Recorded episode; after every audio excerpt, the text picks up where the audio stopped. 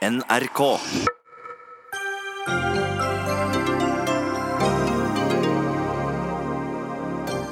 For 14 kroner i minuttet kan alvorlig syke mennesker bli bedt for over telefonen. Det er smakløst, men bedrageri er det ikke, mener Vebjørn Selbekk.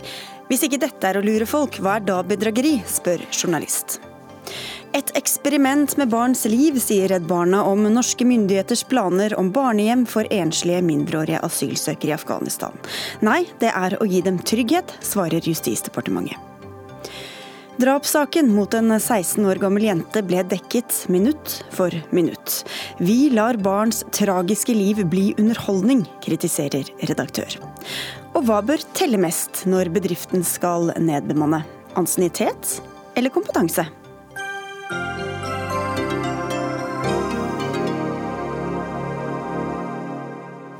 Det er blant spørsmålene vi stiller i Dagsnytt 18 i dag. Jeg heter Sigrid Solund. For 14 kroner i minuttet kan du få forbønn over telefon fra predikant Svein Magne Pedersen. Å vente på svar koster også 14 kroner per minutt, og en samtale kan gjerne koste 500-600 kroner, ifølge VG. Pedersen mener bønn kan gjøre alvorlig syke mennesker friske. Vi skal høre et lite utdrag fra VGs dokumentar 'Mirakelpredikantene', og vi gjør oppmerksom på at den kreftsyke kvinnen som ringer predikanten, gjør det på oppdrag for VG. Velkommen til forbønnstjeneste hos Misjonen Jesus leger. Denne tjenesten koster 14 kroner per minutt fra du får svar. Vær så god, Siv Magne. Hallo, hei, mitt navn er Cecilie. Jeg, eh, jeg har lyst til å bli frisk, og nå, jeg lever på overtid. Og, altså, jeg bare, kan du hjelpe meg? Jo mer av Guds medisin og Guds kraft du fører inn i kroppen din, det skjer gjennom bønn, jo større sjanse er det for å bli frisk. Bare ring på nytt, på nytt, på nytt, på nytt. Så mye du vil. Jeg blir aldri lei. Vi har vært i kontakt med Misjonen Jesus leger og bedt Svein Magne Pedersen om å delta i kveldens Dagsnytt 18, men det ønsket han ikke. Vebjørn Selbekk, du er ansvarlig redaktør i den kristne avisa Dagen, og du sier at denne praksisen som vi ser og hører her, er smakløs, men at predikanten ikke er noen bedrager. Hva legger du i det? Jeg mener at det er sterkt eh, kritikkverdig å ta betalt for å be for mennesker. Det må være tillatt å eh, sitere Nye testamentet her i, i Dagsnytt 18. Når, når, I og med at dette handler om et teologisk spørsmål, når Jesus eh, sender ut sine disipler for å be for syke, så sier han helt spesifikt for intet har dere fått det, for intet skal dere gi det videre. Og Det er det den kristne kirke til alle tider har stått for. Man kan be for syke, eh, man tror på forbønn for syke, men man tar seg aldri betalt. Jesus leger ikke for 14 kroner eh, minuttet. Eh, forbønn og Guds nåde må være gratis. Hva hadde vært bedrageri, da? Hvis han, Det uttrykket bedrager det føler jeg ikke passer her, tross alt. Fordi at Hvis du skal være en bedrager, så må du handle med forsett. Hvis du tror og vet at det du holder på med, du har ikke noe tro på det sjøl, men villeder bevisst mennesker og, og, tar betalt, da hadde det vært bedrageri. Det er ikke mitt inntrykk av Pedersen. Jeg tror at han er en person som ønsker å hjelpe mennesker, ønsker å forkynne det kristne budskapet, men jeg tar sterk avstand fra denne eh, typen forbund mens taksameteret går. Og Det er hjerteskjærende å høre og lese i VG om dødssyke mennesker som eh, blir bedt for Jesu nå mens eh, taksameteret løper og telefonregningene blir skyhøy. Ingeborg Senneseth, du er forfatter og journalist, du har også kommentert dette. Du mener at Pedersens betaling nærmer seg underordna. Hvorfor er det det? Det blir jo nesten det, fordi at hadde noe faktisk fungert, den har drevet med, eh, og tatt betaling for det, så kunne vi ha diskutert om det her var snakk om noen som har tatt legevitenskapen i sine egne hender. eller noe sånt. For det er jo inn på det området han faktisk beveger seg. Han påstår at han kan lege folk. Sånn at spørsmålet blir ikke om Hanvold eller Jesus eller andre kan ta betalt eller ikke for å lege. Spørsmålet er jo om de kan lege. Nå nevnte du Hanvold, han er ikke med denne saken å gjøre, nå er det denne predikanten Pedersen. Men, men, men jeg skal bare ta med hva han skriver. altså Via advokat Jon Christian Elden så skriver da predikant Pedersen til oss at det ikke er han som helbreder, men at det er Gud som utløser sin kraft gjennom bønn. Hvordan kan du vite at det ikke stemmer? Det blir nok feil å legge den bevisbyrden over på meg. Den som har en kraftig påstand, må være den som kommer med beviser for påstanden. Eh, jeg kan ikke bevise om det finnes en gud eller ikke, men det er ingen som har klart å bevise det. På samme måte kan du ikke si at du mangler bevis for at noen kan lege. Derimot så er det klart at det er flere som har blitt friske etter forbund. Men det betyr ikke det samme som at de har blitt friske av forbund. Du kan sammenligne med f.eks. Eh, homopati. da. Eh, det er mange som får det bedre etter å ha brukt det, men det er ikke det samme som at de får det bedre av å ha brukt det. Eh, og det betyr ikke at den som sier at det her fungerer, snakker sant. Det betyr bare at de har en påstand, og at det er folk som tror på det. Og da er det bedrageri å påstå at dette faktisk kan hjelpe? Jeg går ikke inn på det juridiske nei, termen, av, eh, for det jeg unngår å kalle folk forbrytere uten videre. Men eh, Lureri, da? Du kan godt kalle det lureri. Det blir en ganske mild form å kalle det. Eh, jeg syns det er ganske foraktelig lureri. Og jeg syns det er rart da at at man på en måte slår seg til ro med å, med å i hermetegn bare fordømme det. For at det her går jo ut over den gjengse kristne.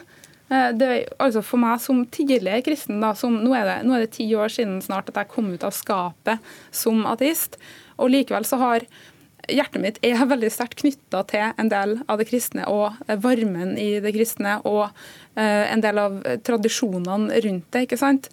Og når jeg da ser folk som på en måte en parasitt på den trua til folk, så kan jeg nesten ikke forstå at det går an å slå seg til ro med å si det bare sånn her Ja, det er litt galt, men ikke så ille. Nei, men Du ville jo heller ikke bruke uttrykket bedrager, eh, og det gjør ikke jeg heller. Men eh, jeg har eh, sagt at jeg er veldig kritisk, og det har jeg skrevet. Og det sier jeg også i den VG-artikkelen som er grunnlaget for det her.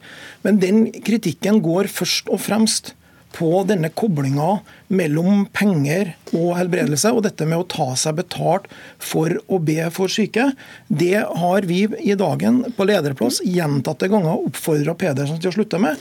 Eh, og det gjør jeg for så vidt fortsatt. Eh, ber han om å slutte med dette, for det er som, som Ingeborg sier, det er noen ting som jeg mener ikke har noe med den kristne tro å gjøre. Og det er også sånn at hvis man ser internasjonalt, så er det Pedersen gjør helt unikt. Det er ingen andre som driver med denne, for, denne typen forbund eh, til til, time, til timepris eller minuttpris, som Pedersen gjør. Men hvis vi ser bort fra det juridiske bedrageribegrepet, det er ikke sånn vi bruker det, men vi tenker på om det er lureri eller bedrageri i en annen, hva skal vi si, mer allmenn forstand.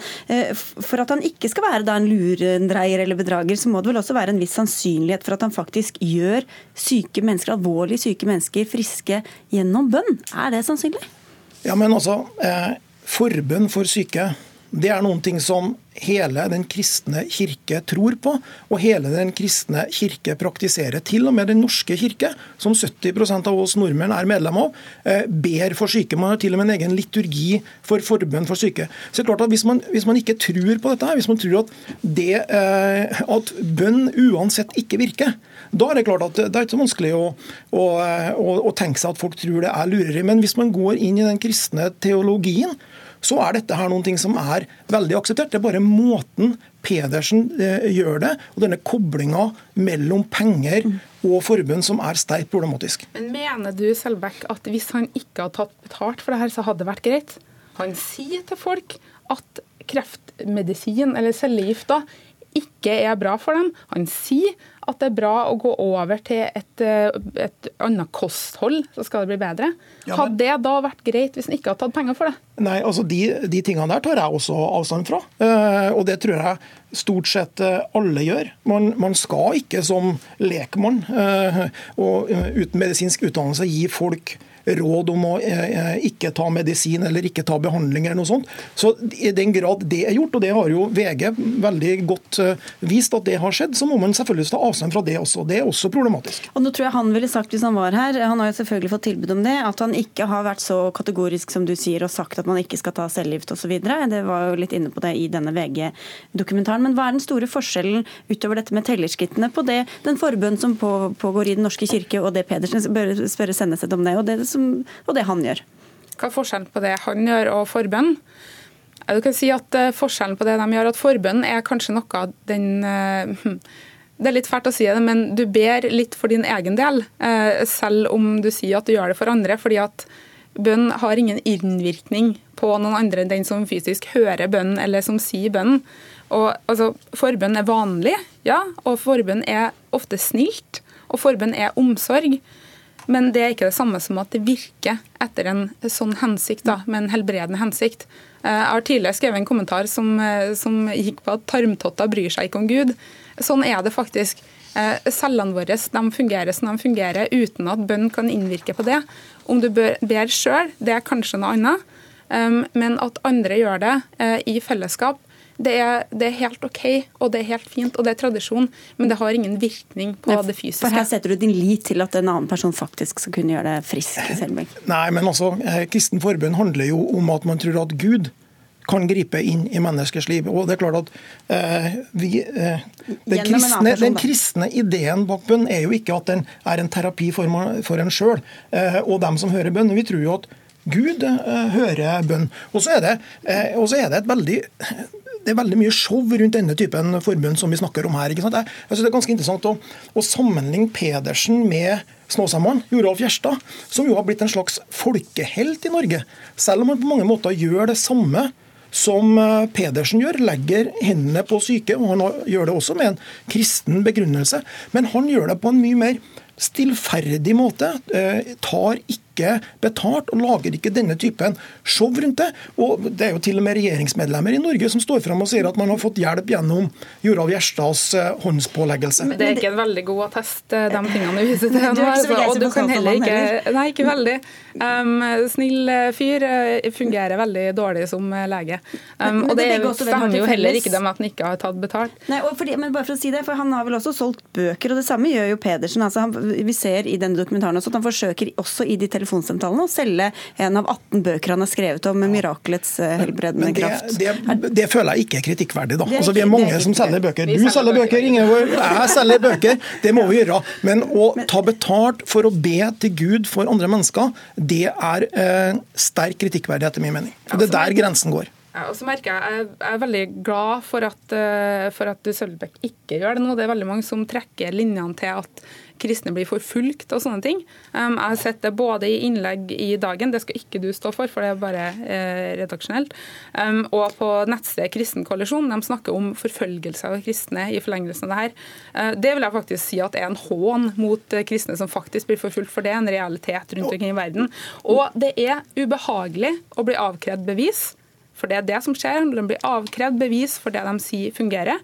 Det er kjipt å bli ettergått i sømmene. Det er utrolig sensitivt med tru. Man skal være varsom når vi snakker om det. Jeg forsøker å være varsom, men jeg forstår også når noen tenker at det tråkkes på. Men å si at det er forfølgelse, det blir noe helt annet. Altså, kritikk som... er å bli tatt på alvor. Men de, men de, som da faktisk sier at her har det hjulpet, da? Vi er blitt helbredet eller blitt friskere gjennom denne bønnen? Det sies etter homopati, det sies etter akupunktur. Altså, det er mye man kan tro på, og det er mye man kan tro at fungerer. Om det er reelt, det er en helt annen sak. Eh, jeg som sykepleier vil si nei. Eh, men at de føler at de har fått det bedre, det unner jeg dem. Så hva vil du eh, anbefale eller oppfordre Pedersen til å gjøre det til slutt, Selbekk? Jeg oppfordrer han til å umiddelbart slutte med å ta betalt for å be for folk. Legg ned teletorgtjenesten og gjør som alle andre stort sett kristne i hele verden gjør. Be for syke uten å ta deg betalt. Slå av taksameteret, Pedersen. Men bøker kan han fortsatt selge? Bøker kan han selge, bøker kan vi selge. Og du kan kanskje skrive bok og selge, du òg? Ja, det kanskje jeg har gjort det allerede. Ja, det vet jeg jo. Kjempebra bok er det òg. Dere, tusen takk skal dere ha for at eh, dere kom til Dagsnytt 18. Vebjørn Selbekk og Ingeborg Senneset. Tusen takk. Dagsnytt 18 alle hverdager klokka 18.00 på NRK P2 og NRK2.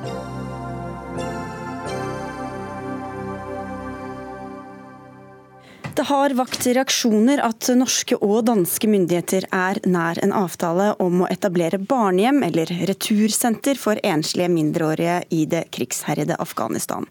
Dette blir i så fall det første av sitt slag i Afghanistan, skrev Aftenposten i dag. Monica Sydgaard, du er leder for Redd Barnas arbeid for barn i Norge, bl.a. dem som kommer hit for å søke asyl, og dere er blant dem som frykter hva denne avtalen kan føre til. Hva er det dere er så redde for? Nei, altså Vi anser dette som et eksperiment med barns liv. og Vi i Redd Barna ber regjeringen skrinlegge disse planene umiddelbart. Det er jo spesielt sikkerhetssituasjonen i, i Kabul som vi er bekymra for, som er den verste på mange år. Eh, eh, FNs spesialutsending Kai Eide til Afghanistan, som tidligere var spesialutsending, han sier jo at det ikke har vært verre på 17 år. Og Redd Barna har dokumentert sammen med Prio hvordan Afghanistan er altså det nest verste landet å være barn i i verden. Det er det landet der det er flest drepte og sårede barn. Det er flest bortføringer. Det er flest angrep mot skoler. Det er flest barn som bor i skuddlinjen. Og hit er det altså eh, Norge vil åpne opp for å tvangsreturnere barn til en institusjon midt i krigen. Men det er vel fint at de kan sendes til en institusjon med trygge rammer hvor de blir tatt vare på? Ja, Da lurer jeg på om eh, regjeringen kan garantere for sikkerheten eh, for disse barna hele sin barndom, når de da blir eh, sendt i et Kabul som er så ustabilt. i ja. Mm. Vi inviterte Justisdepartementet til å svare denne saken, og de sendte deg. Så velkommen til deg, Jon Engen Helgheim. Du er altså stortingsrepresentant for Fremskrittspartiet. Det er litt sånn ulik ordbruk her. Dere kaller det et omsorgssenter. Men kan du bare si helt praktisk hva dette senteret faktisk skal være? Det skal jo være et senter eh, der man kan eh, returnere eh, personer under 18 år som man ikke klarer å spore opp familien til.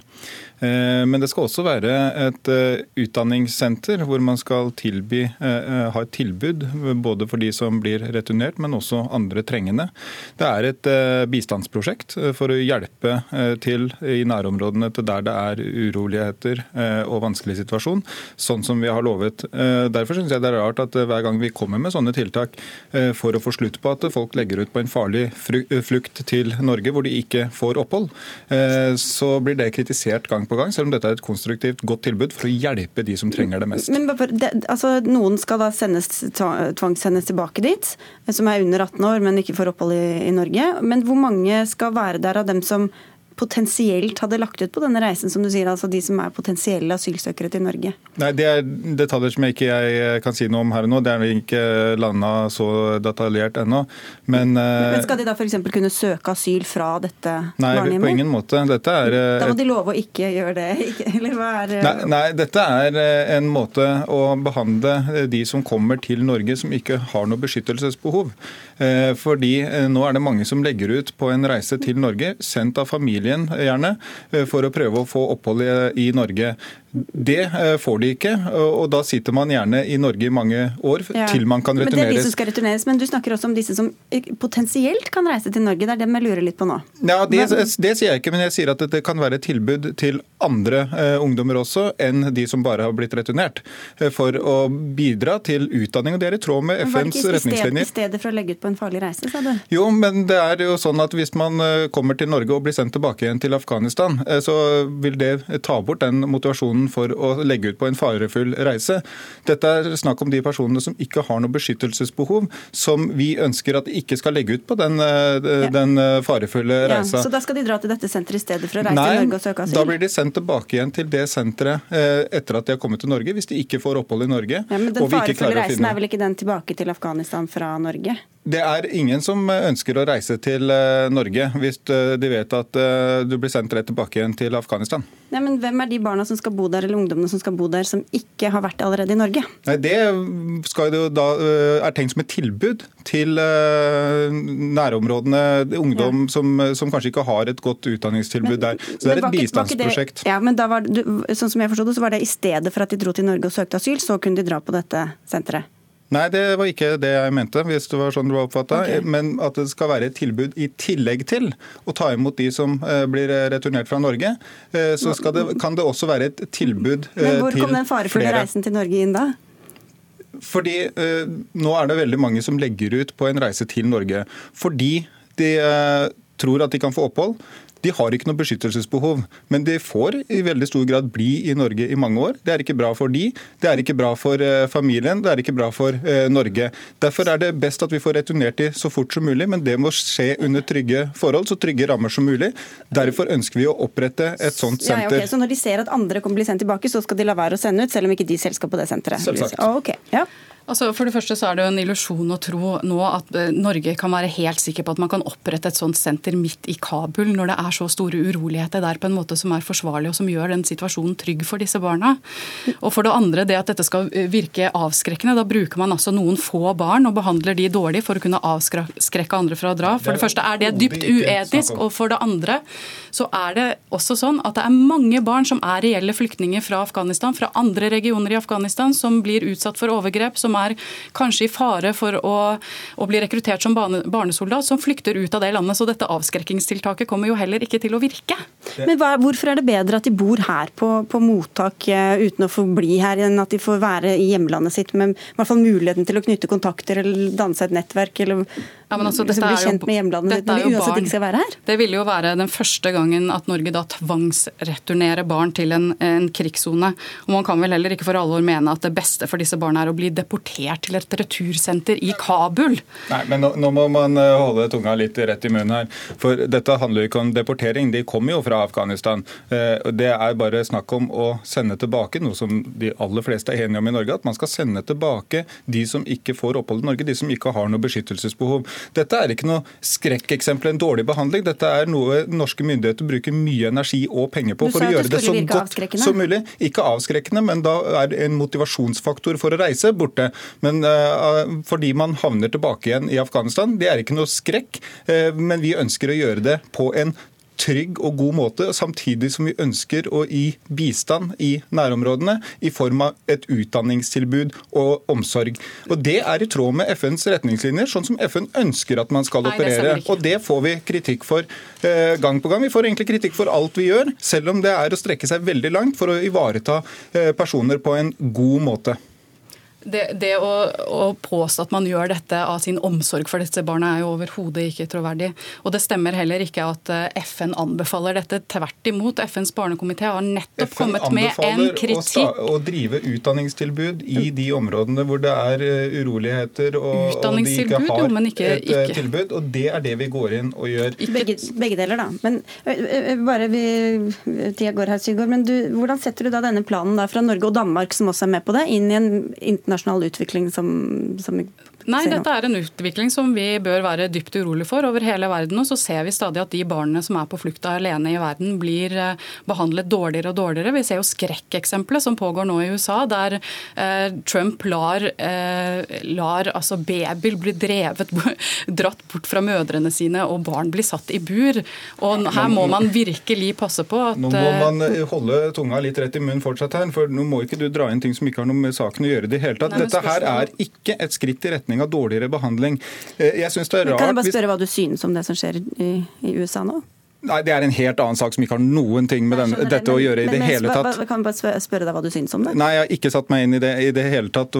Så det er ikke et tema i denne diskusjonen i det hele tatt. Å begynne å dra inn sammenligninger med det har ikke noe med saken å gjøre. For dette er et tiltak, et omsorgssenter for at vi skal unngå at mennesker legger ut på en farefull flukt til et håpløst mål der de ikke får opphold. Med den skuffelsen det medfører, med den usikkerheten det medfører, så kommer vi med et tilbud som burde vært bejubla av eh, disse organisasjonene. Så du lover at disse ikke skal bli tvangsreturnert? At det skal være et tilbud som de kan velge å dra tilbake til dersom er, de ønsker det? Det er et tilbud til de som bor der, og, eller noen som bor der, og eh, tvang for dem som var i Norge, hvis jeg har forstått det rett. Ja, ja. Vi kan ikke la eh, mennesker som ikke har eh, grunnlag for opphold i Norge, få velge selv om de skal få bli her eller ikke. Så det vil bli tvangsreturer, men det må gjøres på en ordentlig ordentlig, forsvarlig måte. og Derfor legger vi så mye ressurser i å få til et godt tilbud for de som blir tvangsreturnert. Så de som bor der, at de skal få et skoletilbud og sånne ting, det er du veldig ikke kritisk til? Altså, Redd Barna driver fantastiske utdanningsprogrammer for barn over hele verden, men det er jo ikke det som er hovedformålet med dette tiltaket. Og Det Norge nå må gjøre, er å lytte til de rådene som faktisk kommer fra FN og FNs barnekomité, og slutte med midlertidige oppholdstillatelser for barn som har flyktet alene til Norge, og faktisk gi dem den omsorgen de trenger. Det er barn som kommer fra krig og konflikt, og som er dypt traumatiserte. Men, men synes, Redd Barna at synes Redd Barna at det er et bedre eh, tilbud å ha det sånn som i dag, at man reiser til Norge i stor grad for å prøve å få opphold med de farene det medfører, det er, eller at vi prøver Veldig kort på det. Ja, for det, er tiden er Nei, egentlig det stemmer ikke. Mange av de som kommer til Norge har faktisk Det er barn som har behov for beskyttelse, men nå Ja, har Norge det. lagd så strenge regler at du til og med kan ha vært utsatt for krig og overgrep, men du blir returnert til et liv internt flukt i ditt eget land. Så dette er barn som har behov for beskyttelse. Og da er vi over er en litt annen del av debatten. Vi får si tusen takk til dere begge to eh, for at dere kom, i hvert fall. Jon Engen Helgheim fra Fremskrittspartiet, og til deg også, Monica Sydgaard fra Redd Barna.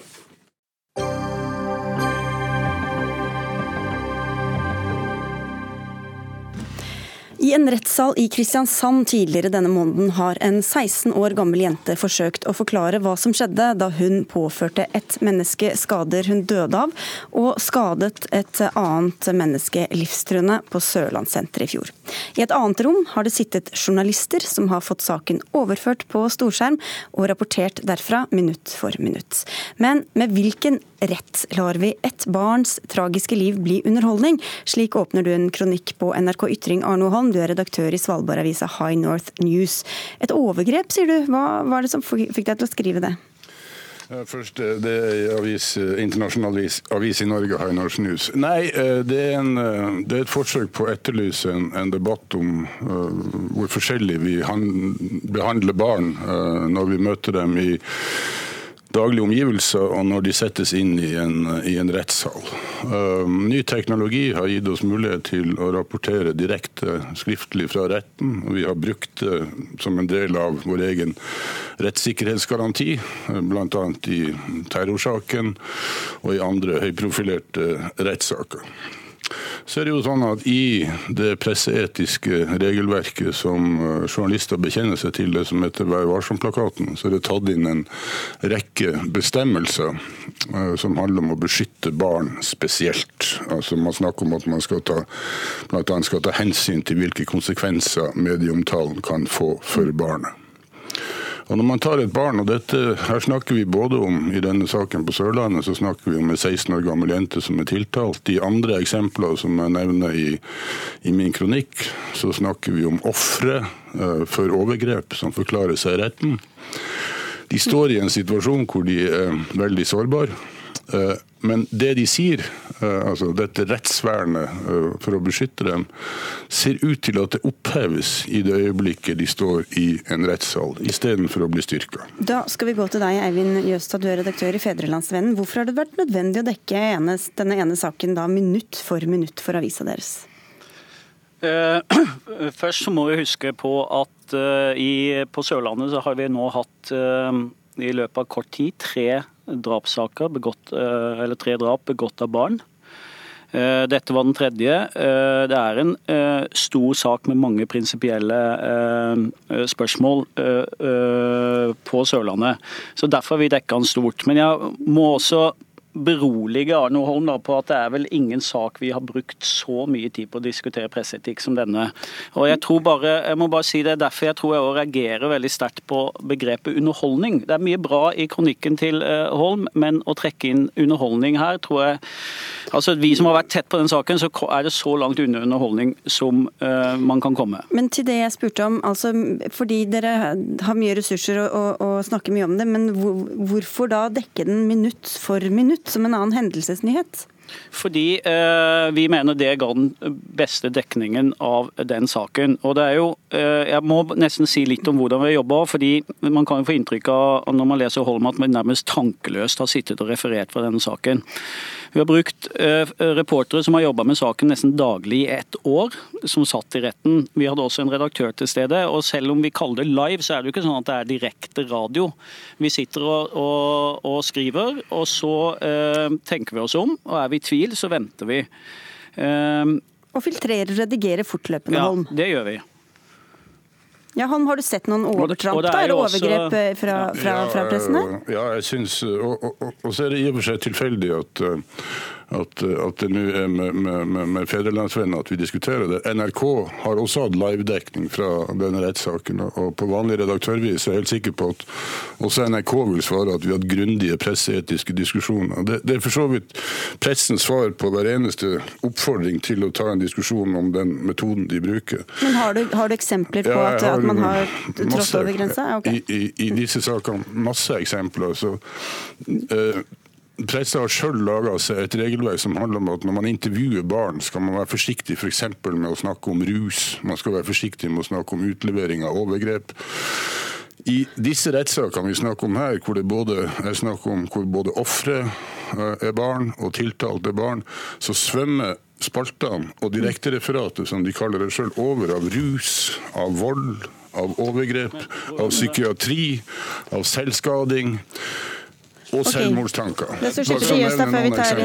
Poenget er jo Ingenting av de uh, eksemplene Holm nevner her, uh, har vi omtalt. Vi har jo vært veldig bevisst på alt vi ikke har skrevet. Uh, fra den rettssaken. Det var selvfølgelig masse opplysninger vi unnlot å nevne. og Jeg kjenner ikke den saken fra Nord-Norge så godt, men det er òg en svakhet med, med sammenligning mellom de to sakene. Jeg hadde også tenkt meg veldig godt om Jeg tror ikke vi hadde hatt live-rapportering fra en overgrepssak. Men denne saken handler juridisk om så mange prinsipielle interessante ting om hvordan man skal straffe barn. Mm. Rettssikkerheten til denne jenta er kjempeviktig. Spørsmål om forvaring veldig interessant. Det er få referansesaker på dette i Norge.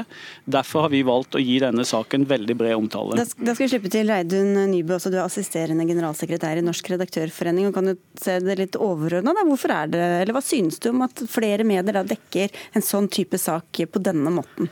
Uh, ja, altså Det viktigste er jo at man har eh, Jeg legger merke til at Arne Holm snakker om at vi har grundige presseetiske diskusjoner. Var det du hadde tenkt å si?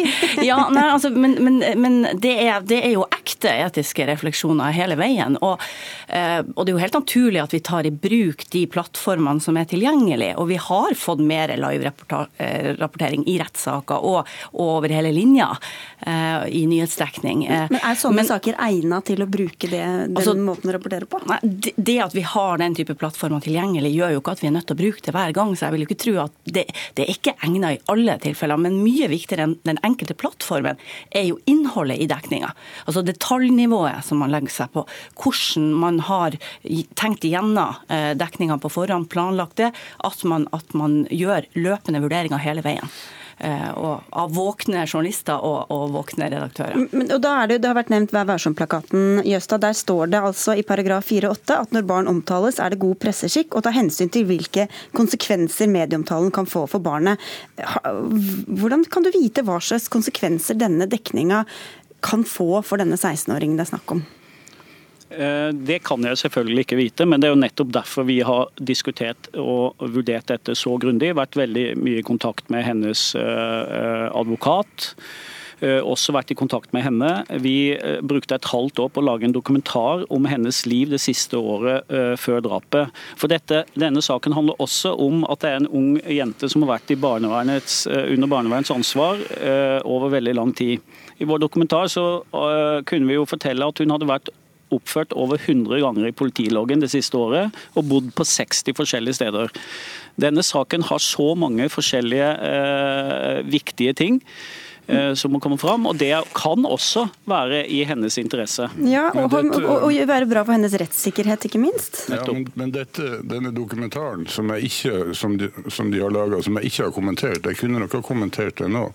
Poenget her er det live-referatet fra rettssaken og alle de som får, får det med seg. Og det, det, er selvfølgelig feil som Ljøstad sier, at man ikke i disse reportasjene går inn på voldsepisoder og, og, og selvmordsforsøk. For det beskrives uh, ja, Det er riktig at vi har gjort. Jeg, jeg syns nettopp du sa at det hadde dere ikke gjort. Rus og, rus og overgrep. Men, men jeg, prøver dette, jeg, prøver å gjøre dette til en generell debatt og ta alle disse rettssakene under ett. Men, men, la oss dvele ved et annet poeng. fordi at Noe av det som kanskje berører meg mest, det er når disse utsagnene fra et barn, og da snakker jeg om flere av disse sakene måten det fremstår på. På Sørlandet så dveler man både i kommentarfeltet, i egne kommentarer og i rettsreferatet ved spørsmålet om anger. Altså angre denne jenta. Og, og, og for meg blir det så det, det blir rett og slett sårt. Hvordan er en journalist i stand til å forstå det språket et barn som har levd på institusjon, bruker i den situasjonen, situasjonen hun står i? Man dveler ved om, om hun har en ekte beklagelse. Mm. Ja, for Her er det snakk om ganske spesielle tilfeller, Jøsta, og journalister som da på bare i løpet av sekunder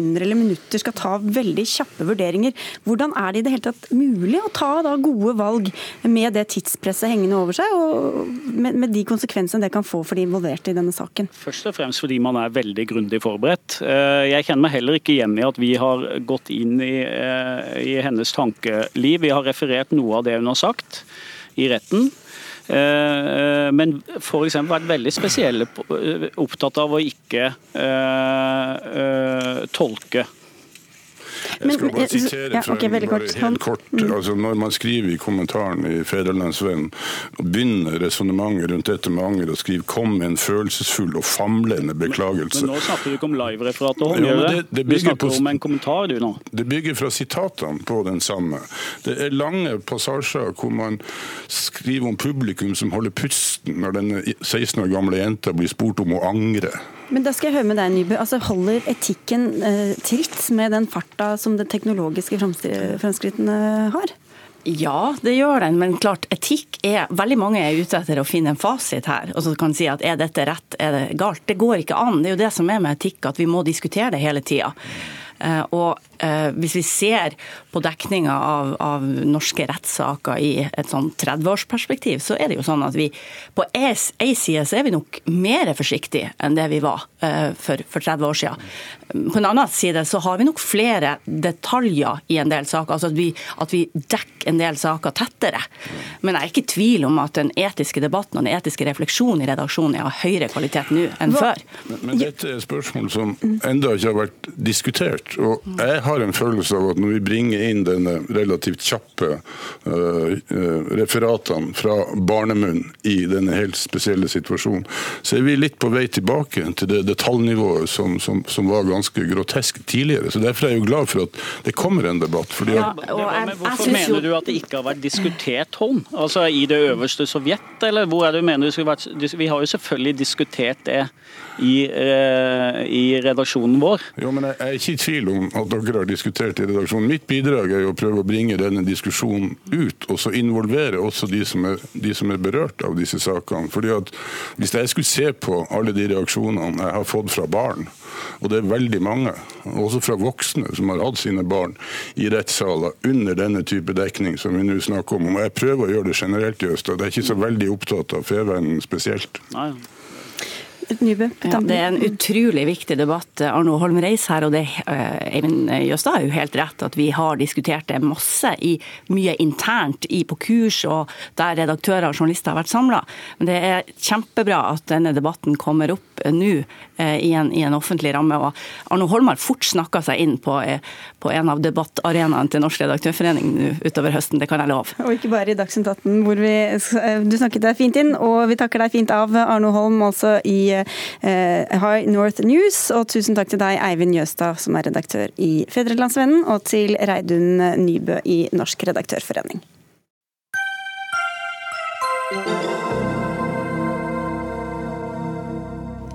Når det er dårlige tider, må mange bedrifter nedbemanne. Men hva bør avgjøre hvem som får bli og hvem som må gå?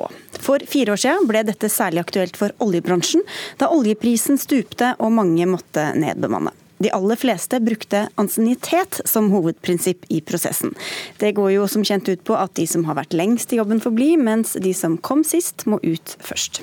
Og dette er en avtale som er jobbet fram mellom ledelsen og fagforeningene, men du mener at selskapene heller bør styre etter kompetanse. Lise Lyngsnes Randeberg, du er president i Tekna, som altså er Teknisk naturvitenskapelig forening. Og du sa til Dagens Næringsliv denne uka at selskaper som nedbemanner etter ansiennitet, har klart seg dårligere etter oljesmellen. Hvordan vet du det? Jeg sa at det var vår oppfatning at de har klart seg bedre. Og oljesmellen traff oss. Det var vondt og vanskelig. Mange av våre medlemmer mista jobben. Eh, vi brukte masse energi og tid på å følge opp både tillitsvalgte, medlemmer der ute, bedrifter som virkelig sleit. Og når man, Ingen vil nedbemanne, men når du havner i den situasjonen, så er kanskje den viktigste beslutninga du tar, det er hvem som skal bli igjen. Og da må du bygge laget for framtida. Og Eh, det finnes ikke en fasit. Det er markedet for bedriften, det er eh, egenarten til bedriften, det er hvilken kompetanse de sitter på, som er avgjørende for hvordan man må kjøre den prosessen. Men én ting er sikkert, de blir ikke vinnere av å kutte nedenfra. Og i eh, oppfølginga. Altså vi, vi, har vært i kontakt med våre folk ute. Vi har snakka med hundrevis av tillitsvalgte, med mange mange medlemmer. Og de er bekymra for fagmiljøene, for robustheten og for hvordan de skal klare å levere inn i konkurranseutsatt ja. industri. Så for å uh, prøve å uh, sammenfatte her, så sier du at deres inntrykk er at de som har sett mer individuelt på hvem som innehar hvilken kompetanse, og latt nedbemanninga styres ut fra det, har gått bedre med enn de som har gått på vet du, hvem som har vært lengst i bedriften. De sitter igjen med mer robuste og konkurransedyktige fagmiljø. Da går vi til deg, Trugd Skogesal. Du er visepresident i NITO, som altså er Norges ingeniør- og teknologorganisasjon. Du kaller denne analysen for skivebom? Ja, jeg synes at eh, en fagforenings viktigste rolle det er jo å være til stede og, støtte våre medlemmer på arbeidstakersiden. Og Derfor er det viktig at de i en sårbar situasjon, som en nedbemanning er, eh, har en forutsigbar og en eh, ryddig eh, prioritering av hvilke kriterier som skal gjelde i den nedbemanningsprosessen. Og Da mener vi at prinsippet om ansiennitet er en viktig ramme for, som står støtt, og som gjør at vi som fagorganisasjon òg har en hånd på rattet i prosessen. Så det er best for de fagorganiserte, men hva er best for bedriften? Ja, Det er ikke nødvendigvis eh, motsetning, det tror vi ikke. Dette er jo eh, lokale forhandlinger. Våre lokale tillitsvalgte som sitter i forhandlinger med ledelsen, det er de som skal avgjøre hvordan man jobber. Og så er det ikke svart-hvitt. Det er ikke sånn at det enten er eh, ansiennitetsprinsipp eller at det er kun kompetanse. Det vi sier er at eh, I en sånn nedbemanningsprosess er det så mange eh, prinsipper som skal følges. Og Da er det viktig at vi har noen objektive, målbare kriterier som setter en ramme. Som gjør at vi etterpå kan diskutere alle de subjektive kriteriene som går på eh, andre eh, ting. Mm. Ja, Da blir det mindre bråk, kanskje, hvis man i hvert fall har en sånn uh, objektiv eh, ledesnor for hva som skal skje? Kompetansevurdering kan gjøres objektivt, men det er veldig enkelt å nedbemanne på ansiennitet. Da trenger du bare å se på når de ansatte gikk inn døra på bedriften. Men det man trenger, er jo kriterier og prosesser som sikrer framtida. Man trenger å ivareta konkurransekraften til, bedrifter fremover, sånn at hvis, hvis bedrifter går bra, da har jo mine medlemmer sikre jobber i framtida også. Da skaper man vekst. Da skaper man gode fagmiljøer som vinner konkurranser også internasjonalt. Ja, jeg, eh, jeg, klarer ikke å forstå prinsippet. for Jeg vet ikke om noen som har kjørt en ren ansiennitetsprinsippnedskjæring. Det er alltid flere prinsipper med i, i, i, vurderingene. Eh, her kommer det sosiale kriterier, og så kommer det alle disse eh, forskjellige kompetansekriteriene. Og jeg vet ikke hvordan Lise måler eh, sosial kompetanse, eh, hvordan de måler eh, egnethet og samarbeidsevner. Dette er etter min mening veldig subjektive målemetoder. Altså, det finnes ikke målemetoder, og da må vi ha noe som er forutsigbart. Men jeg har lyst til å trekke inn en tredjeperson, for er, vi, ha med, vi, har med et av de store selskapene som har nedbemannet. Um, Hilde Karlsen, du er hovedtillitsvalgt i Aker Solutions, og du representerer bl.a. medlemmer fra både Tekna og NITO. Dere sa opp 600 ansatte i 2014 og 2015 over fire runder, og brukte brukte ansiennitetsprinsippet. Hvordan fungerte det for dere? Ja, vi, Jeg representerer jo òg lederne og, og, Negotia, bare sånn at det òg er nevnt. Men hos oss så fulgte vi ansiennitetsprinsippet. Eh, det var en enighet blant alle de tillitsvalgte, også Tekna sine tillitsvalgte. Vi sa opp 60% av de ansatte, og det er klart at mye dyktige og kompetente folk gikk ut døra hos oss. Og for oss var det viktig det føltes rettferdig både for de som måtte gå ut døra, og, og for de som ble igjen. Og Det er klart at det er jo ikke sånn at ansienniteten at man skal skille på en dato, at det er to måneder, så er det to streker under svaret. Men her har man jo delt opp i grupper hos oss som, som, der man har sett på de ulike grupperingene innenfor de ulike kompetanseområdene som vi har. Og så har vi sagt at det er rettferdig at de som er eh, sist inn døra, og går først ut døra. Og der har vi egentlig fått ganske stor forståelse for, for, for de ansatte, og vi har hatt veldig lite støy rundt i nedbemanningen. Hva sa de nyutdannede med høy formell kompetanse, som da i stor grad måtte gå, da? Men i en bedrift som Aker Solutions, så er vi avhengige av ikke bare de med høy, med høy formell kompetanse, vi er avhengige av mange forskjellige. Vi an, når vi ansetter, så ansetter vi både de med master, de med bachelor og òg de med teknisk fagskole. Eh, så hos oss er det jo et spekter av fagkompetanse som skal til for å få gjennomført prosjektene. Og det vi, det vi har faktisk gjort hos oss, eh, det er jo at vi tvert imot det som tegner seg, har gjort oss svært konkurransedyktige. Selv om vi har brukt altså ansiennitetsprinsippet i, i nedbemanningen. Vi har skjerpa altså og du må ha de ansatte med på laget. Vi fikk de ansatte i 2015 til å gå ned med 5% i lønn i ett år. Ledelsen gikk ned med 10% Og vi har vunnet kontrakter på svært lave marginer, der vi har sett erfarne folk på, som har levert prosjektene til rett tid, men færre timer enn det som var opprinnelig planlagt. Så for oss så er erfaring lik kompetanse. Ja, Randeberg, Det er jo naturlig å tro at hvis du har jobba lenge med en sak, så blir du mer kompetent. Får vi håpe i hvert fall. Men eh, vi har jo heller ikke sagt noe annet. Altså, nå kan vi, vi må jo definere hva vi mener med kompetanse. Det er jo kanskje viktig å begynne der.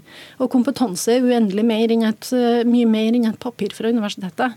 Det er erfaring, det er etter- og videreutdanning, det er den eh, utviklinga du gjør gjennom karrieren din. Sånn at hvis du velger ut på kompetanse, så vil du velge noen unge, nye med fersk kompetanse fra universitetet, som er riktig å beholde i bedriften. Så vil du ha noen som er erfaren, som har vært der lenge, som kjenner bedriften. Når det, når det er sagt, så kan vi gjerne diskutere Aker. Vi har jo eksempler på andre nedbemanningsprosesser også i et annet Aker-selskap, der man da valgte kompetanse som viktigste kriterium, og der også NITO var med på å støtte det. Mm. At det skulle være hoved, eh, hovedkriteriet. Ja. Og det handler mer om naturen i selskapet. Hvilken type ansatte har man? Hvis man har en arbeidsplass med kompetansearbeidere, så må kompetanse være nøkkelen. Det å bevare de gode, robuste fagmiljøene som gir folk sikre arbeidsplasser og som skaper vekst i selskapet videre fremover. Jeg, jeg, skal ikke diskutere hva som skjedde i andre Aker-selskap, for de, prosessene kjenner ikke jeg til. Men det som jeg vet har skjedd hos oss, det at med å ha ryddige, ordentlige, greie, objektive kriterier når vi skal nedbemanne, har sørga oss og, og, og, gjort sånn at vi har folk som er veldig lojale til bedriften, og som har gjort sånn at vi har klart å komme oss gjennom den omstillinga med å vinne kontrakter, med å levere prosjekter. Samtidig så var det også sånn at på lista over de mest populære arbeidsgiverne blant ingeniørutdannede, så raste Aker Solutions eh, på, fra en tredjeplass i 2015 til en 16.-plass i 2016. Jeg kan stille et spørsmål til deg, Skogestad. Eh, tror du at det kan ha en sammenheng med at de bedriftene som, hvor, hvor, det er ansiennitet som, som teller, så blir det jo litt mindre attraktivt for unge nyutdannede å søke seg dit fordi det er utrygt? Det er jo sånn at eh, Disse målingene varierer jo fra år til år. Aker var ikke tidligere heller veldig populær før de, eh, i de mest populære årene innenfor oljebransjen. Statoil raste også, samtidig som Aker raste ned. Så det har nok vært en, en, en merkbar eh, nedgang i hele bransjen. Men i prinsippet, da? Kan, i prinsippet, kan, det være litt mindre attraktivt?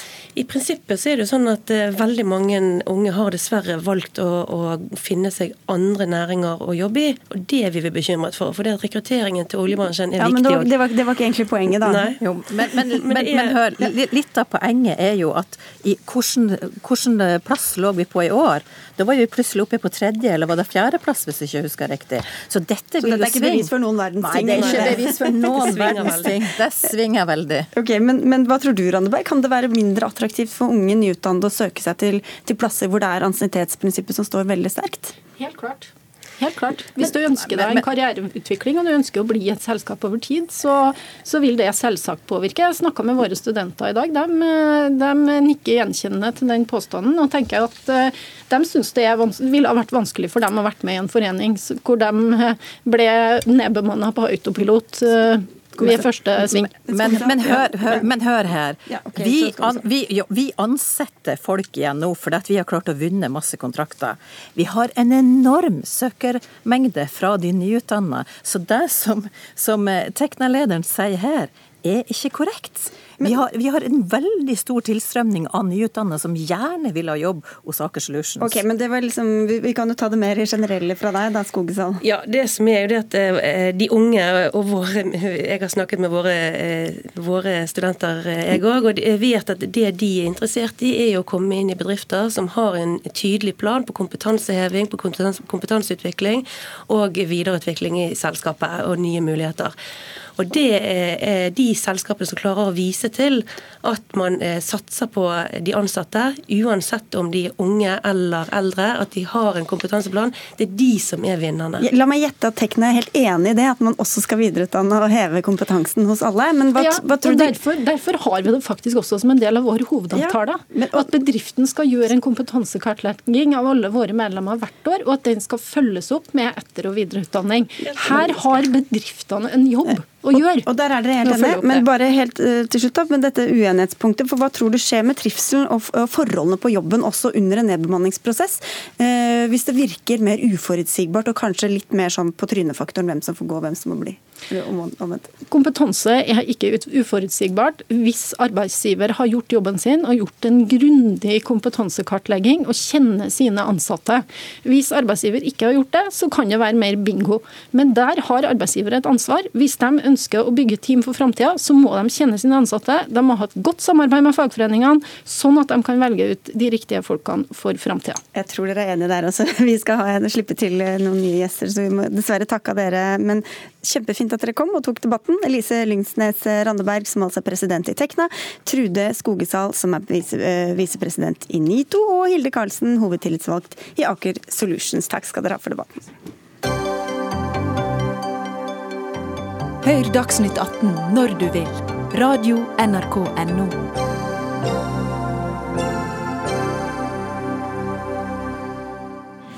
Aktører i norsk kulturliv etterlyser stadig flere kvinner i alle funksjoner.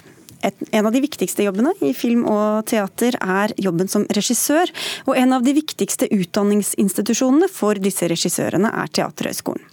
Men siden 2013 har regilinja her bare utdannet én kvinne, mens åtte har vært menn. Og det til tross for at en overvekt av søkerne er kvinner, skriver Dagbladet. Nå krever flere i bransjen at Teaterhøgskolen må ha et kjønnsblikk på rekrutteringa.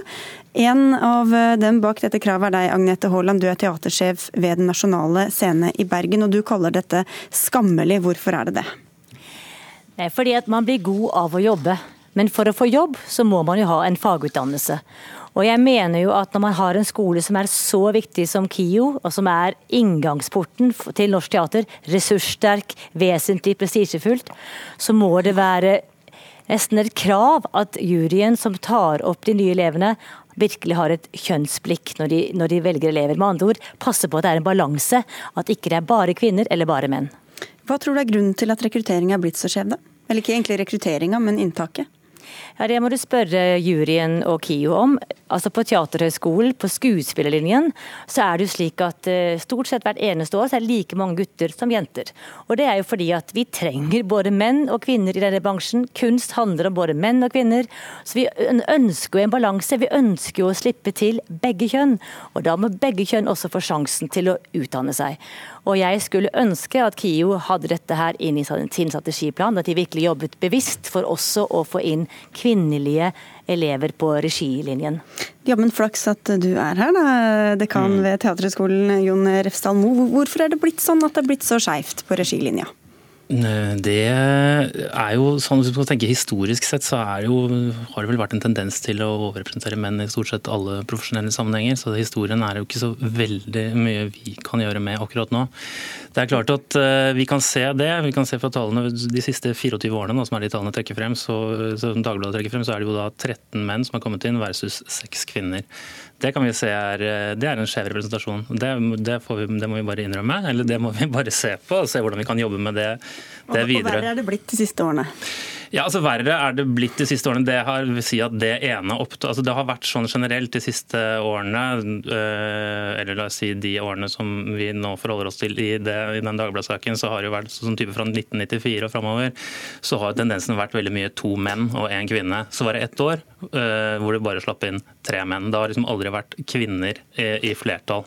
For det er veldig få mennesker det er snakk om her, Haaland. Det er tre som blir tatt opp hvert tredje år. Hva slags representasjon eller representativt utvalg er det egentlig snakk om da?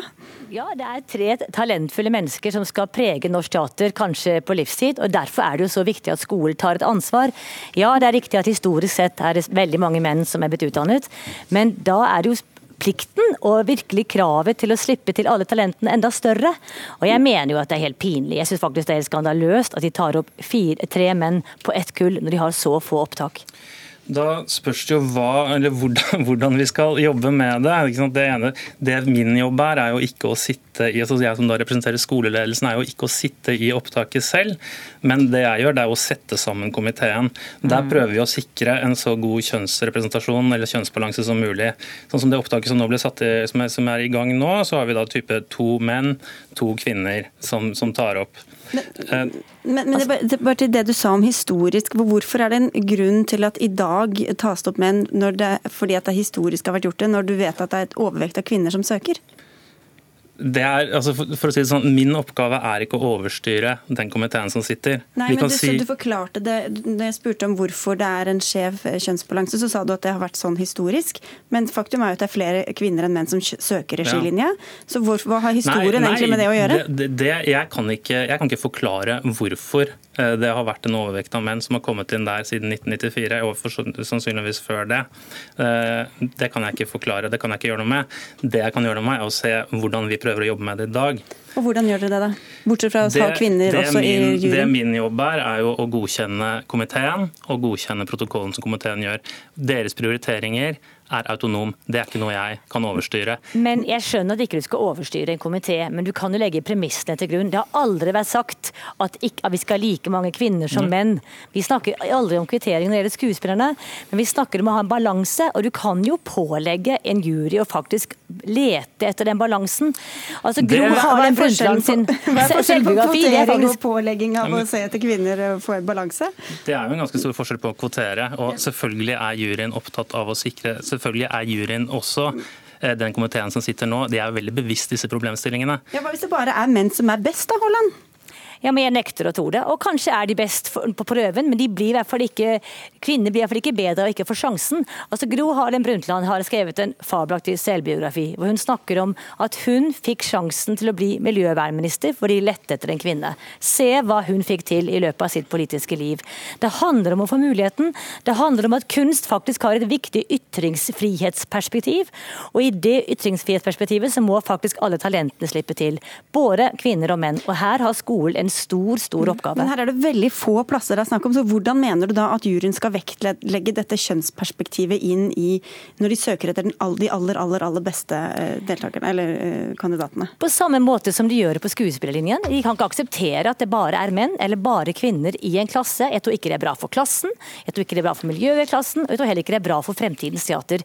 Vi må faktisk legge, legge, lage strukturer som sikrer at både kvinner og menn har en lik sjanse i norsk teater. Så det du foreslår altså Det er vel faktisk at vi skulle kvotere inn, da. Jeg foreslår en balanse. Vi kaller det ikke kvotering på skuespillerlinjen. Hvorfor skal vi kalle det kvotering her? Jeg snakker om kjønnsbalanse. Og hvis det er tre, så vil det da være enten to-én av mm. menn eller to-én av kvinner. Altså, det, det må jo det dere vært, I veldig stor grad så har det vært to-én av menn og én kvinne. Dette, mm. dette siste opptaket Eh, da var det tre menn. Eh, for så vidt også satt sammen av en jury med overvekt av kvinner. Det er også litt interessant. Altså, det er i den juryen som tok opp disse tre gutta. De tok faktisk opp fire gutter det var tre kvinner og én mann som gjorde det. Men Kan det da ha noe med de mekanismene, altså hva slags bilde man har i hodet av en regissør f.eks., eller det hva kan, slags kvaliteter man ser etter osv.? Det kan godt være. Det er jo som sagt ikke min oppgave å overstyre komiteens vurderinger, men det er jo klart at særlig et år som dette, eh, med metoo som har kommet, og hvor hvor man har blitt mye mer eh, bevisst på hvordan kjønnsstereotypier og hvordan type patriarkalske strukturer installerer seg, egentlig litt uten at man vet det selv, også i bransjer som man selv tror er og anser som veldig likestilte. Det er veldig klart at Der, der har kommet en fokus på det nå i siste tida, og det vil jo bare si at vi må være, må være oss enda mer bevisst på det. Mitt problem er hvorvidt jeg skal overstyre juryen eller overstyre komiteene og si dere skal ta inn to kvinner denne gangen, eller dere skal ta inn tre kvinner denne gangen. Det skal etterstrebe en balanse. Jeg tror ikke tre kvinner er løsningen, Vi- men jeg tror faktisk at bevissthet om det er helt avgjørende. Se på Den- norsk film. Ja. du ser Veldig at- kort nå, Håland, Ja. for vi nærmer oss slutten. Den ekstreme skjevfordelingen i forhold til hovedrolle, regi, produsent og manus. Vi kan, Norsk teater har vært mye mer likestilt enn det filmen har vært, i forhold til hvem som slipper til. Men her hviler det stort ansvar på en så prestisjetung skole som KIO. Og nå får du en helt ny sjanse, Mo, for nå skal det tre nye studenter inn.